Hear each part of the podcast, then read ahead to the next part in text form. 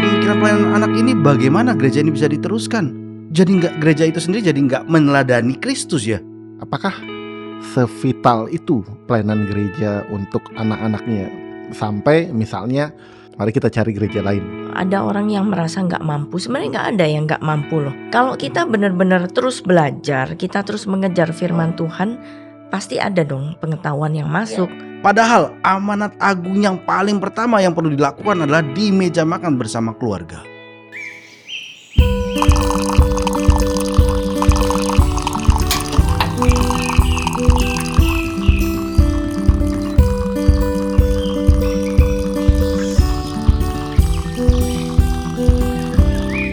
Selamat pagi uh, Pendeta Eri. Selamat pagi. Selamat Pagi. pagi, pagi uh, Vikaris Vera. Kemarin baru saja mengikuti seminar uh, dengan tema iman uh, si kecil yang dipimpin oleh Pendeta Eri dan juga Vikaris Vera. Hmm.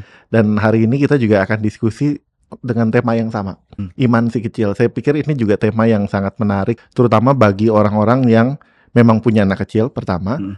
Lalu kedua juga orang-orang yang melayani uh, anak-anak kecil ya. Pertanyaan pertama, kenapa ini penting ya? Kenapa sampai dibuat sebuah buku yang berjudul uh, Kenakanlah perlengkapan senjata Allah. Kenakanlah perlengkapan senjata Allah. Kenapa uh, fokus ke anak-anak kecil? Apa karena memang lagi punya anak kecil atau ada alasan lain? Ya, ada alasan lain. Oh, ada.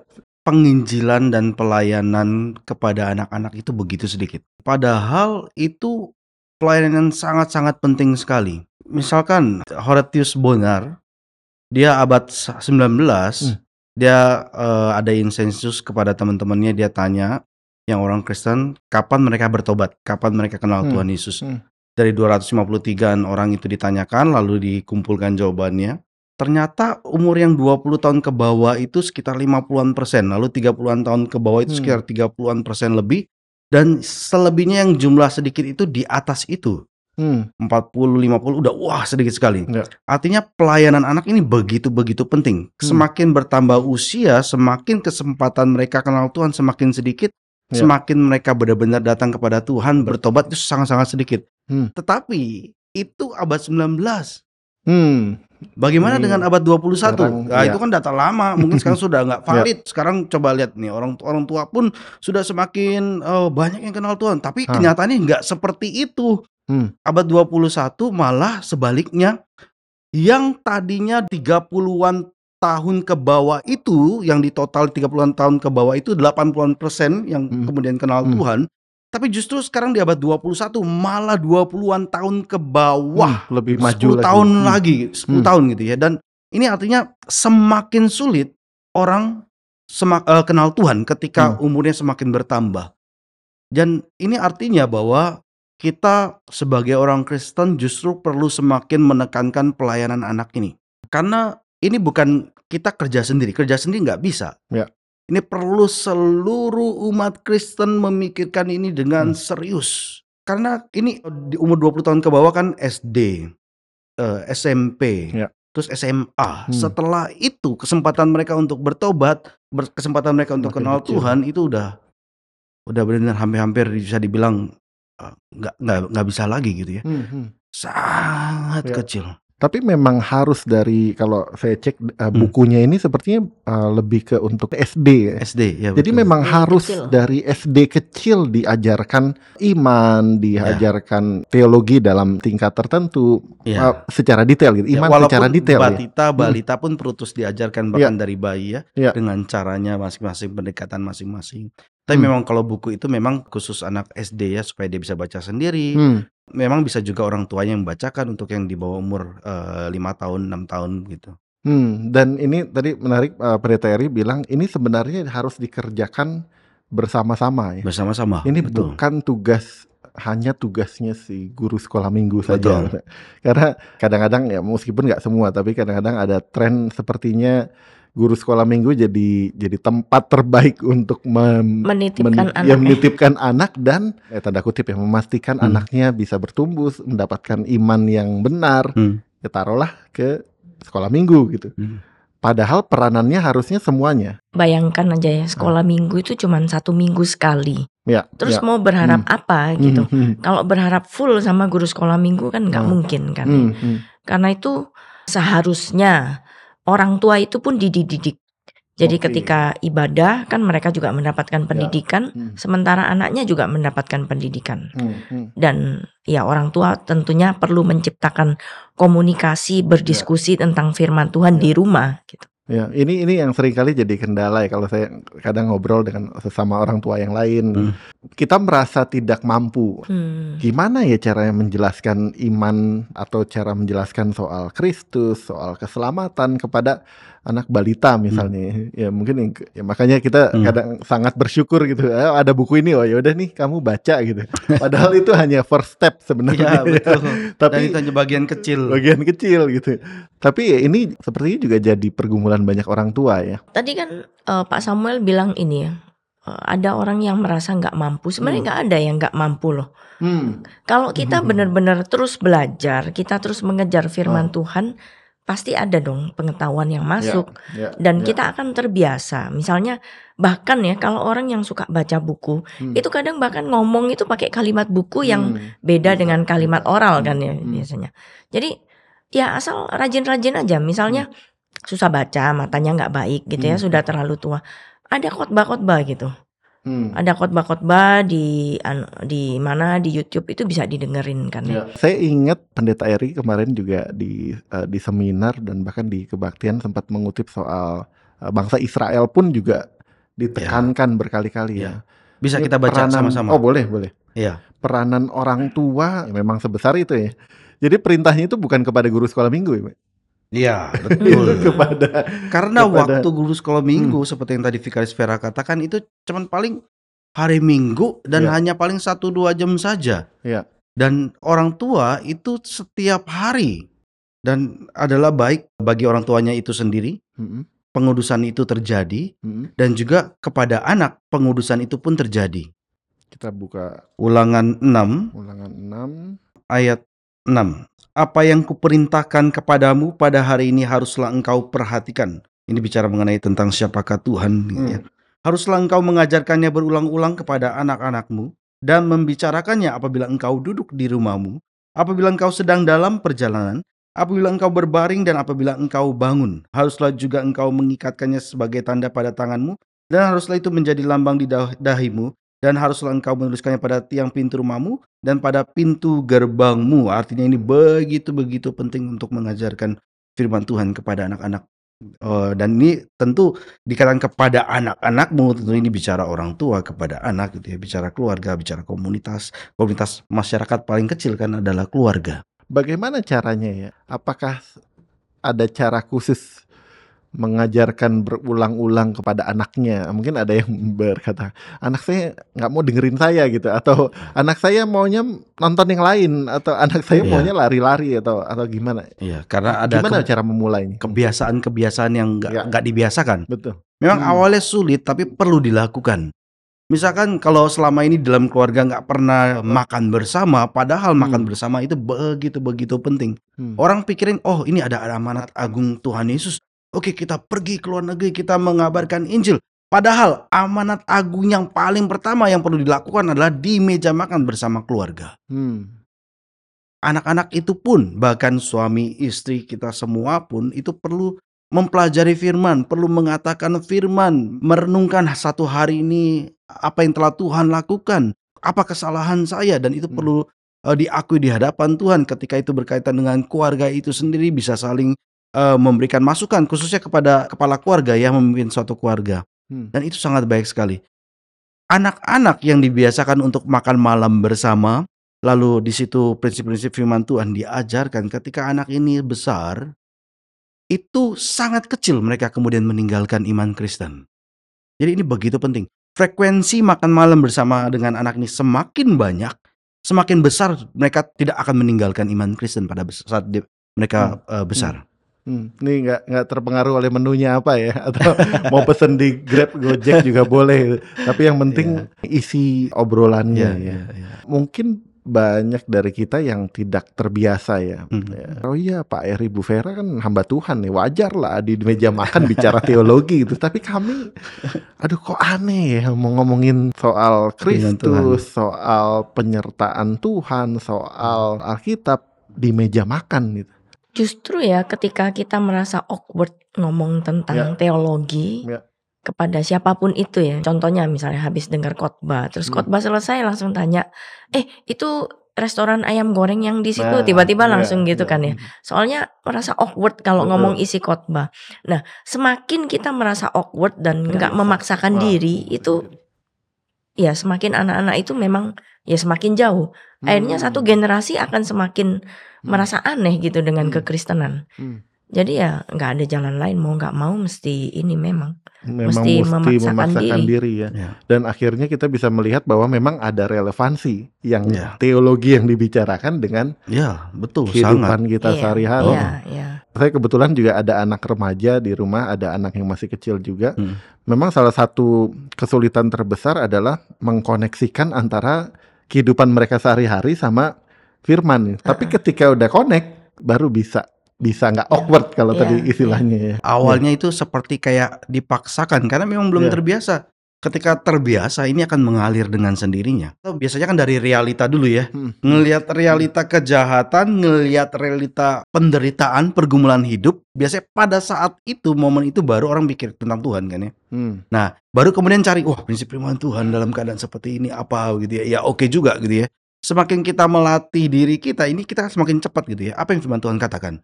Apa prinsip firman Tuhan? Itu akan semakin cepat sih. Awalnya mungkin susah gitu ya. Nggak apa-apa, ambil waktu aja untuk renungkan ya. Dan itu justru bagus untuk kita bergantung, berdoa kepada Tuhan. Dan doa itu adalah poin-poin yang sangat penting eh, di dalam kita membesarkan anak. Segala usaha kita bekerja keras misalnya sekolah, kasihkan dia sekolah yang terbaik, kasihkan dia pendidikan Kristen terbaik gitu ya. Tanpa kita berdoa pun, ini yang jadi andil ketika anak ini pun nanti eh, menjadi orang Kristen, itu nanti kemuliaannya, wah nih gara-gara saya nih, Hmm. usaha saya gitu ya. Hmm. Wah itu bukannya Tuhan yang dimuliakan, malah kita yang dimuliakan gitu ya. Atau banyak berdoa, tapi orang tuanya sendiri tidak mengusahakan apa yang baik menghidupi firman Tuhan. Hmm. Di mana sebagian besar orang Kristen kayak firman Tuhan ini oh hanya di hari Minggu, hari Hmm, biasa hmm. enggak gitu ya. Padahal ini di dalam seluruh kehidupan di- tadi kan di dalam kitab ulangan ini dikatakan ini kan setiap hari. Ya. Berjalanlah, tidurlah, apa setiap hari bukan hanya hari Minggu. Mana yang lebih penting ya? Hmm. Teladan atau atau kata-kata ya? ada memang kondisi antara orang tua dengan anak berkaitan dengan pengajaran dan teladan ada empat Hmm. macam. Hmm. Yang pertama itu kalau anak-anak ini tidak mendapatkan pengajaran dan juga tidak mendapatkan teladan, Hmm. maka anak ini nggak tahu apa-apa gitu dan dia dapatkan dari luar. Itu anak ini menjadikan kayak jalan sendiri, pikir sendiri, wah itu tabrak sini, tabrak sininya itu begitu banyak. Ini kondisi yang paling buruk.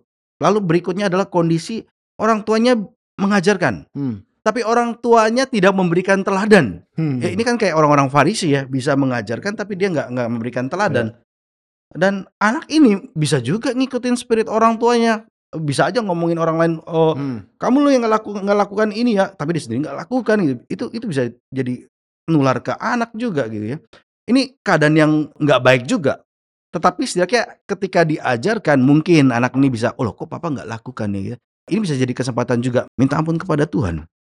Karena waktu orang tua itu sendiri pun ketika mengakui kesalahan dia, apalagi anak itu tahu dan eh, maksudnya mengalami bersama gitu ya. Orang tuanya itu mengaku kesalahannya, orang tuanya itu sendiri meminta ampun kepada Tuhan dan ketika itu berkaitan dengan keluarga bersama-sama dengan keluarga minta ampun kepada Tuhan, ini jadi pelajaran-pelajaran yang sangat penting bagi anak juga. Sehingga anak ini nggak mewarisi kefarisian, Hmm. tapi mewarisi bagaimana sebagai orang Kristen tahu kita perlu memang terus dikuduskan dan kita ada satu saat mengalami kejatuhan tapi kita tahu ke mana kita harus kembali lagi bangkit lagi. Dan tahu ke mana kita datang datang kepada Tuhan memohon pengampunan Tuhan. Itu kehidupan keluarga yang seperti itu indah sekali. Baik suka dan duka itu bisa di-sharekan bersama. Kondisi yang ketiga adalah eh, orang tuanya tidak bisa mengajarkan tapi bisa memberikan teladan. Dan ini di, di keluarga-keluarga Asia ak- sangat banyak Hmm. seperti ini. Oh, orang tuanya nggak terlalu banyak eh, mengkomunikasikan itu kepada anak tetapi orang tuanya Pokoknya memberikan teladan. Hmm. dan ini lebih baik sih sebenarnya daripada sekedar bisa mengajar tapi nggak memberikan teladan. Lalu yang terbaik adalah orang tuanya itu sendiri mengajarkan dan orang tuanya itu sendiri memberikan teladan. Bukan berarti bahwa orang tuanya ini selalu pamerin wah kehebatan keperkasaan dia gitu, bukan. Kita manusia berdosa ya, bisa jatuh. Tapi ketika jatuh kembali mohon pengampunan Tuhan dan bangkit kembali gitu. Tentu kalau kita sudah di dalam Tuhan kita nggak akan terus jatuh dalam dosa yang sama ya. Hmm, sebagaimana Daud ya eh, nggak mau menyakiti hati Tuhan dan itu berjalan maju terus bertumbuh. Nah, dan itu adalah hal yang sangat baik bagi Ya, ya. pertumbuhan kerohanian anak akan lebih cepat. Dan eh, sekali lagi ini butuh usaha dari orang tua ke anak, butuh dari dari komunitas juga bekerja bersama sesama sekolah minggu gitu ya. Itu sangat-sangat penting. Bahkan sebenarnya ketika anak ini dewasa, ketika ingin ingin menikah misalkan ya, Hmm. eh, bertemu dengan seorang wanita Hmm. atau seorang pria gitu ya, peran komunitas itu begitu begitu penting. Kalau di zaman kita mungkin sudah sangat jarang ya ketika nih orang mau pacaran biasanya mereka yang antara pria dan wanita udah pacaran aja jadian Hmm, aja atau sudah menikah aja gitu ya nggak Iya. pikirin apa orang tua ngomong apa nggak pikirin komunitas ngomong apa padahal ketika orang tua yang saleh dan takut akan Tuhan dan komunitas yang saleh yang takut akan Tuhan ini begitu begitu memberkati anak yang akan pacaran itu Hmm. karena ada arahnya mau ke mana. Sebagaimana pemazmur katakan, anak itu bagaikan anak panah. Dan orang tua sebagaimana ketika menggunakan anak panah ini dipasangkan pada busur diarahkan dengan tepat ke mana. Dan dikatakan orang tua ini nggak akan mendapat malu. Ketika tabung panahnya itu diisi dengan anak-anak panah yang seperti ini. Diarahkan. Artinya takut akan Tuhan. Bukan dibiarkan saja gitu ya. Enggak. Ya. Dan ketika bicara orang tuanya nggak akan malu pun itu kan eh, bicara komunitas juga ya. Hmm, hmm. Dan itulah gereja ya. Gereja. Kalau di sekolah saja kan kita kalau bagi rapor itu guru komunikasi gitu ya. Ya, ya, Itu kita merasakan itu pentingnya. Ya, apalagi gereja ini betul. kerja sama Betul. untuk untuk bisa memberitakan firman, untuk menyatakan firman Iya. dan bergumul bersama-sama Iya. melakukan firman. Cilakanya banyak orang tua nggak sadar bahwa hal rohani, hal teologi itu penting. Hmm. Misalkan contoh ya, kalau kita sakit panas demam, terus kita pakai alat termometer ukurin ke tubuh anak kita, suhunya kok 35 derajat, oh termometernya ngaco ini. Ganti lagi yang baru Ya, gitu ya. ya, ya, ya, ya. Ukur lagi gitu. Loh, ini 42, Ah. nggak mungkin gitu ya. Ah. Udah 42 biasanya anak udah step gitu ya. Wah, ini termometernya ngaco. Wah, Hmm. orang tuanya akan akan Kita- jengkel kan? Kita kan kritis, banget kritis ya. banget Nah, ya. Tetapi orang tua dan bahkan orang Kristen ketika ada pengajaran yang salah, bahkan firman Tuhan tidak ditekankan, malah prinsip-prinsip dunia yang diajarkan, nggak marah atau bahkan membiarkan orang lain mengajarkan gitu ya. Wah itu cilaka besar. Ini kan bukan kiat sukses ya. Misalnya, eh, oke orang tua harus kasih teladan dan kasih firman, maka sukseslah. Ah, iya, Jadilah cetakannya anaknya gitu. Ya. Seringkali tidak terjadi gitu. Ya. Seringkali yang yang muncul adalah pemberontakan, yang muncul adalah anak-anak merasa awkward Hmm, dan awkwardnya itu lama gitu. Jadi hmm. sulit sekali membiasakan untuk melakukan hal ini ya. Kayak gini sebenarnya Hmm. pentingnya relasi yang dibina Hmm. sejak bayi. Hmm. Kalau dari bayi kita biasain anak itu diasuh oleh orang lain selain kita, Hmm. akhirnya anak itu jadi nggak percaya sama kita kan ya. Hmm. Jadi kalau nggak percaya ya gimana dia mau dengerin? Ya. Kita juga sebagai orang tua itu nggak punya kuasa loh. Hmm. Kalau kita nggak benar-benar berkorban untuk anak, ketika kita berkorban, kita mati-matian walaupun udah capek, kita harus bangun urusin anak itu. Selain relasi terjalin, itu anak percaya dan kita punya kuasa. Hmm. Kita punya otoritas atas Hmm. anak itu. Jadi Hmm. ketika ngomong, walaupun omongan kita seakan-akan eh, kayak nggak fit ya sama ideologinya anak-anak di sekolah, misalnya apalagi anak Hmm. remaja itu kayak Ya. nggak fit banget kita ngomong ini orang tua banget sih, jadul Hmm. banget. Tapi eh, anak itu tetap percaya sama orang tuanya gitu ya. Sama kayak relasi suami istri juga ya. Ketika suami itu nggak pernah berkorban bagi istrinya, terus ketika dia ngomong sesuatu yang istrinya sebenarnya nggak tahu alasan di balik itu apa, kan biasa istri mempertanyakan, Ya. kenapa harus seperti ini Hmm, gitu. hmm, Tapi kan ya nggak selalu ada waktu ya buat satu-satu Hmm, dijelasin hmm, pakai iya. kalimat. Ya pada saat itu ya percaya itu suami punya kuasa nggak, hmm. punya otoritas nggak atas istri itu gitu. Iya. Sama kita juga punya otoritas nggak atas anak itu. Hmm. Dan itu dibangun dari kecil. Dari kecil. bayi. Dari bayi bahkan ya, dari kandungan mungkin. Anak itu Iya. merasakan kasih dari orang tua, istri Hmm. merasakan kasih dari suami. Hmm. eh, ini akan eh, mudah sekali menjalin komunikasi Hmm, ini. hmm, hmm. Meskipun kita mungkin tidak bisa langsung melihat hasil positifnya ya, Ya betul. Iya. tapi at least ada yaitu kan takutnya ada relasi ada Ada momen di mana anak itu mungkin mempertanyakan atau Ya. mungkin melawan gitu ya. Ah, ah. Tapi eh, ketika nanti anak ini dewasa berhadapan dengan pergumulan hidup, dia ingat gitu ya. Oh, Hmm, mama papa pernah bicara mengenai hal ini. Oh, hmm, ternyata papa mama benar ya gitu ya. hmm. Itu Hmm. sangat-sangat baik sekali sehingga ini justru kemudian membangun kepercayaannya kepada orang tua yang Hmm. sudah membangun mereka dengan berdasarkan prinsip firman Tuhan. Memang porsi atau trust terhadap teman, terhadap lingkungan itu tuh besar sekali ya. Hmm. Nah, Ada masanya kan. ada masanya Anak-anak ya. itu Hmm, memang mencari pendapat dari sosial. hmm, Udah bukan lagi keluarga. hmm, Ada hmm, masanya. Cuman Hmm. ya pada saat itu ya oke gitu. Kalau yang kamu cari adalah ideologinya orang-orang seumur kamu, hmm, eh, aku akan juga mencoba untuk menjadi teman kamu gitu. Makanya hmm. kalau anak remaja itu ada saatnya, nggak selalu ya, Ya, nggak ya. selalu, tapi ada saatnya kita itu ngomongnya kayak teman sama dia. Oke. Misalnya dia patah hati, Hmm, kita dengerin. Hmm, Kalau hmm. ya kalau kita yang udah nikah, udah menjalani cinta-cinta monyet itu kan akan kalau anak Aduh, itu nangis-nangis, gitu, ya. Udahlah nanti juga akan ketemu lagi. Ya masalahnya bukan itu yang dihadapi anak itu dia bener-bener lagi broken gitu. Hmm, hmm, Jadi ya saat itu jadi teman. hmm. Iya ya. Emang dia ngomong, ya sudahlah nggak usah lah sama orang itu kita cari lagi yuk gitu. Hmm. ya ini balik lagi ke gereja ya. Bagaimana ketika sebuah keluarga nggak bisa menemukan itu di dalam di dalam gereja mereka misalnya? Apakah sevital itu pelayanan gereja untuk anak-anaknya sampai misalnya mari kita cari gereja lain misalnya? Sebenarnya banyak gereja Hmm. mungkin nggak melakukan pelayanan anak ini ya, Hmm, hmm. karena anak-anak itu nggak bisa dapat apa sih gereja dari anak-anak? Banyak orang nggak Iya. mikirin loh. Orang lebih mikirin oh yang yang sudah Ya, kerja. ada kerja lebih orang-orang yang bisa mendapatkan memberikan persembahan kepada iya. gereja. Akhirnya Iya. anak-anak nggak dipikirin. Iya. Padahal ini oh, sangat-sangat penting untuk memikirkan pelayanan anak ini. Hmm, Nggak nggak memikirkan pelayanan anak ini bagaimana gereja ini bisa diteruskan hmm, dan gereja itu sendiri jadi nggak meneladani Kristus ya. Bahkan gereja pun semakin dibentuk serupa Kristus. hmm. Bukan hanya pribadi kita, komunitas pun seperti itu. Tuhan kuduskan dan nggak bisa fokusnya oh hanya orang tua gitu yang mendatangkan keuntungan. Ini kan jadi bukan inkarnasi ya. Hmm, Eh, hmm, jadi ya harus masuk ke dalam pelayanan anak ini penting sekali. Gereja itu harus peka ya. Jadi bahkan ketika komunitas anak belum terbentuk, seandainya ya Hmm. eh, suatu gereja yang baru saja terbentuk, jemaatnya mungkin adalah orang-orang muda saja gitu Hmm. ya. Tapi kan suatu saat mereka akan menikah, punya anak, istrinya beberapa hamil misalnya. Biasanya kan Hmm, hmm. kalau mengandung itu kayak satu langsung satu beberapa gitu ya. Iya, bareng-bareng. Nah, Hmm. itu sudah harus langsung mikirkan. Hmm, Baik itu pendidikan untuk ibu yang hamil, hmm, pendidikan untuk calon bapak bagaimana oke. gain dignity sebagai Ya, kepala keluarga gitu ya. ya.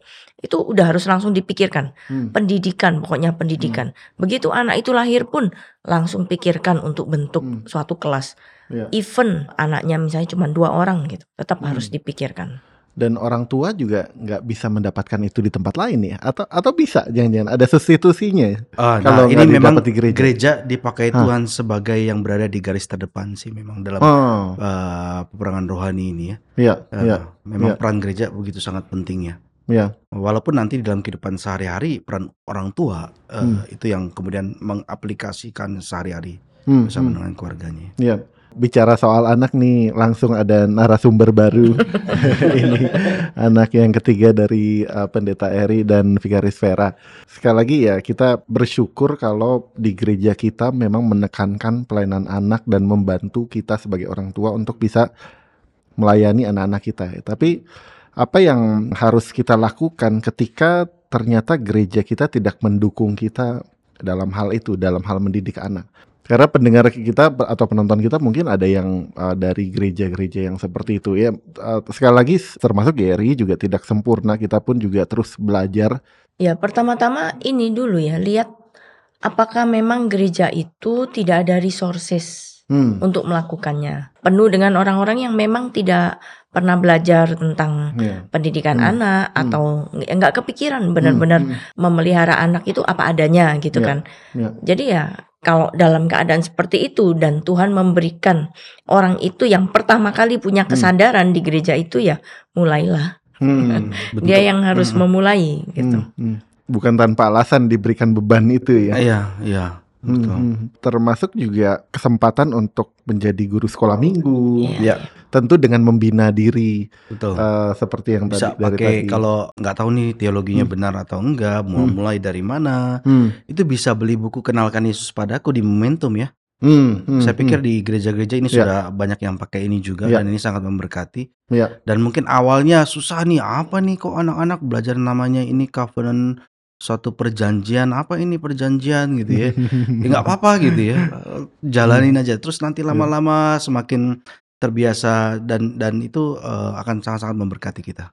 Iman anak kecil ini ada progresnya, ada tahapannya yang memang harus kita perhatikan atau udah benar-benar full berserah atau ada patokan yang perlu kita jaga ya, ada alur Hmm. oke harusnya nih kalau udah balita sampai tahap ini, remaja sampai tahap ini atau seperti apa ya? Yang pasti kalau full berserah itu kan pasif Hmm, hmm. menunggu Ya. sudah pasti nggak benar kan. Ya, ya. Soalnya di Alkitab di mana-mana secara aktif kan ya harus mengajarkan Ah, secara aktif mewariskan iman ya. dan itu kita nggak bisa tunggu waktu.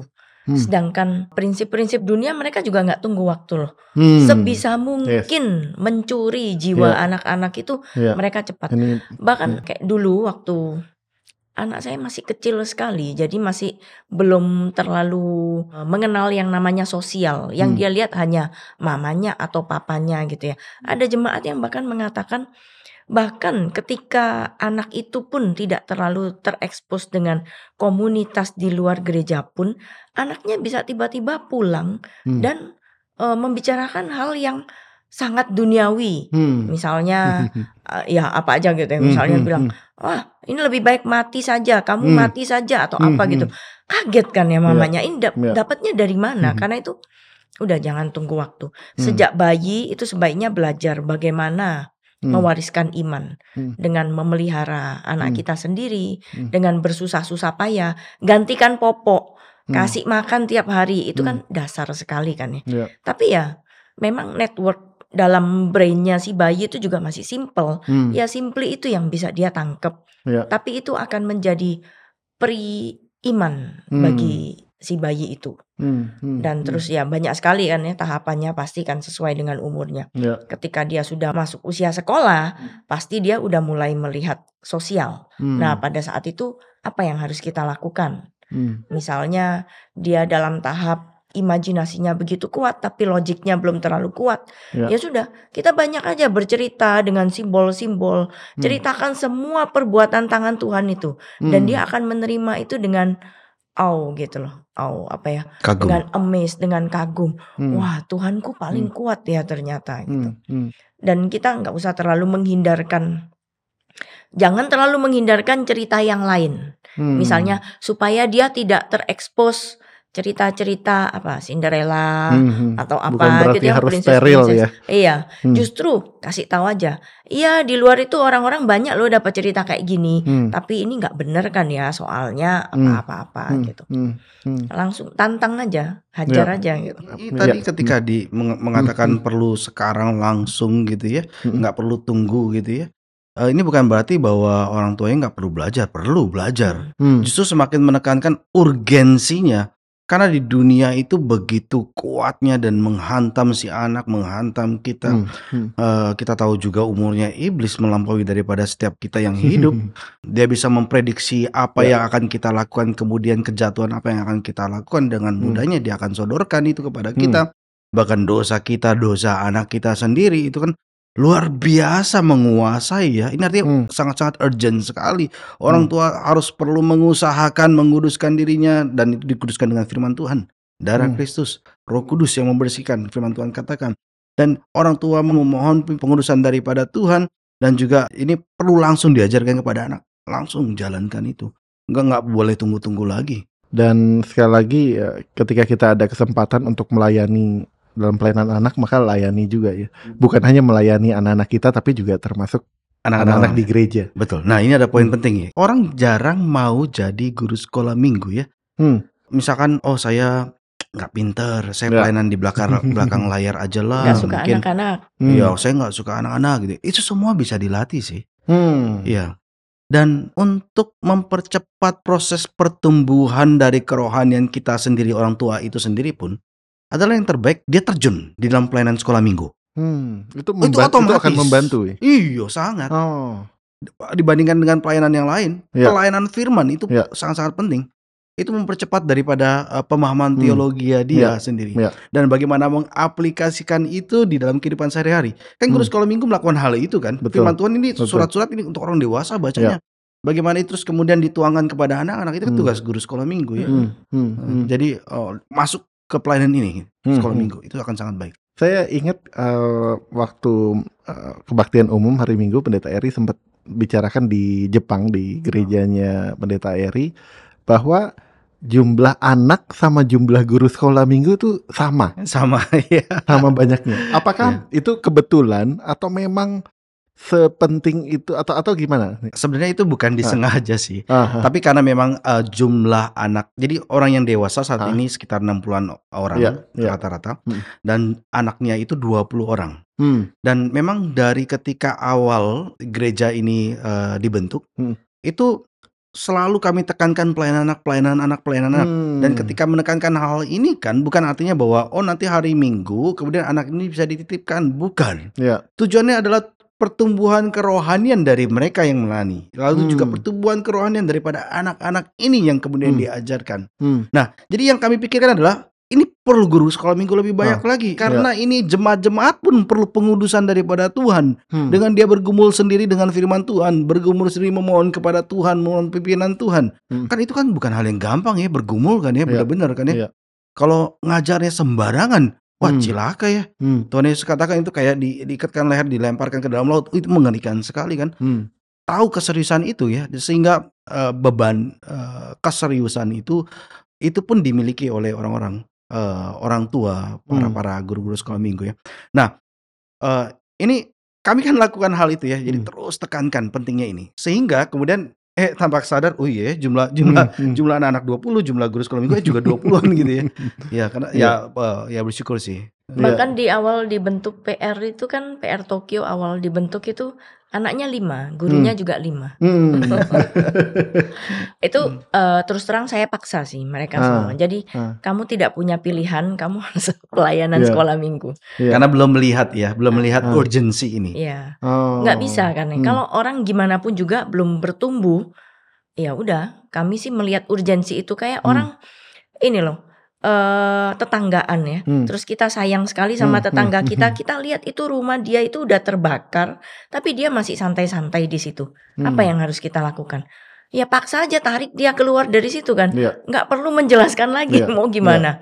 Jadi ya itu sih yang kami lakukan pada saat itu. Udah Hmm. pokoknya Kak, saya tahu kamu belum bisa lihat dengan iman kamu sekarang. Hmm. Harus jadi pela- ini pelayan sekolah minggu. Hmm. Jadi ya ada juga yang dengan sangat terpaksa Hmm. dipaksa ini sama Vicarius Vera.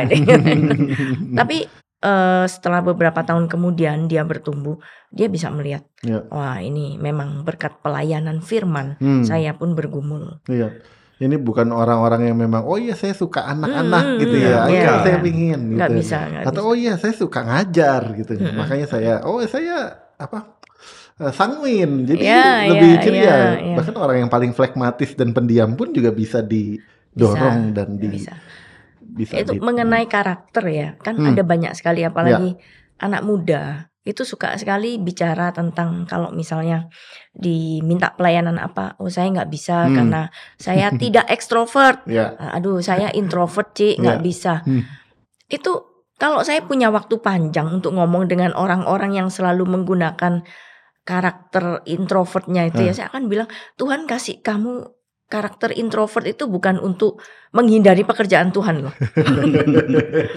Tuhan kasih karakter itu justru untuk mewarnai pekerjaan Tuhan Hmm. Ah. gitu loh. Jadi jangan cari Hmm. alasan deh. Hmm. Iya, iya. Jadi untuk rekan-rekan yang menyaksikan yang para introvert-introvert, bukan berarti ya, oh saya nggak bisa eh, melayani eh, salah satunya misalnya di guru, sekolah minggu ya. Nggak Tapi- rugi, berkatnya besar. berkatnya besarnya dan bukan hanya berkat dari yang bisa dinikmati oleh yang melayani tapi juga melihat anak-anak uh, boleh bertumbuh melihat uh, bergandengan bersama orang tua juga uh, bisa melihat anak-anaknya bertumbuh secara iman nah itu itu sukacita yang Sangat besar. Iya. sangat Apa sih yang diharapi diharapkan oleh orang Ya. tua eh, seorang percaya adalah ketika anak ini besar, Hmm. anak ini eh, bisa mengatakan bahwa hidup mati saya adalah untuk Kristus. Wah, itu Hmm. sukacita terbesar bagi Hmm. orang tua ya. bagaimana untuk uh, orang tua yang sekarang dalam kesulitan ya um, untuk melihat buahnya.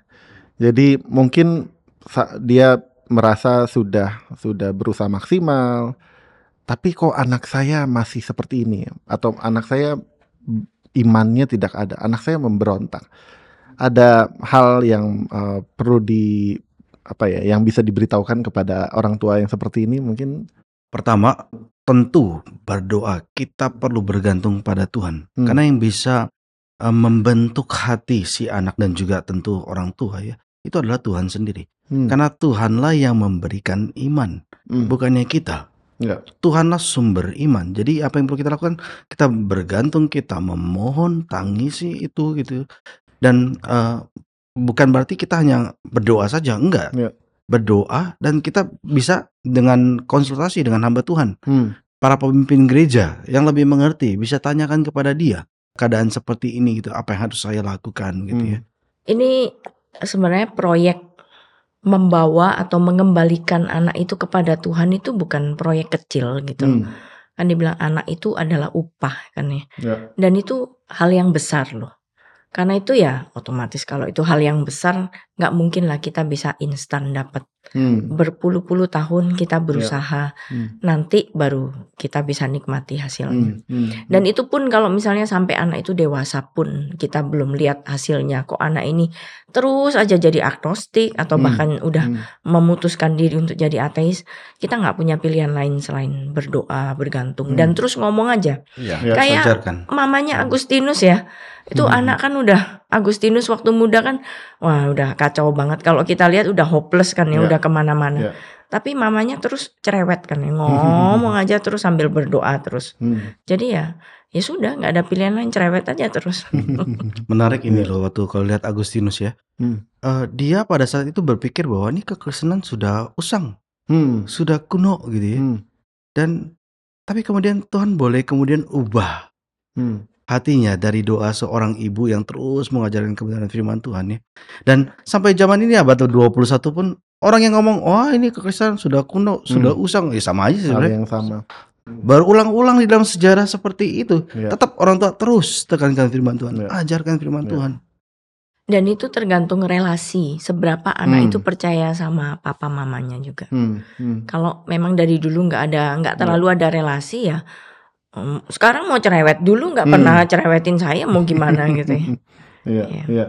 Ya, sekali lagi ini uh, bukan instan tapi memang bertahun-tahun relasi itu dibangun dan ada trust di situ Ya, ya. proyek besar sih. Sambil terus berdoa. Terima kasih sekali lagi Pendeta Eri, uh, Vikaris Vera, uh, Yunis juga bintang tamu sudah tidur. Terima kasih sekali lagi untuk ngobrol-ngobrol kita hari ini dan ya semoga juga para penonton juga mendapatkan banyak berkat lewat obrolan kita. Thank you sekali lagi, selamat pagi dan uh, Tuhan memberkati.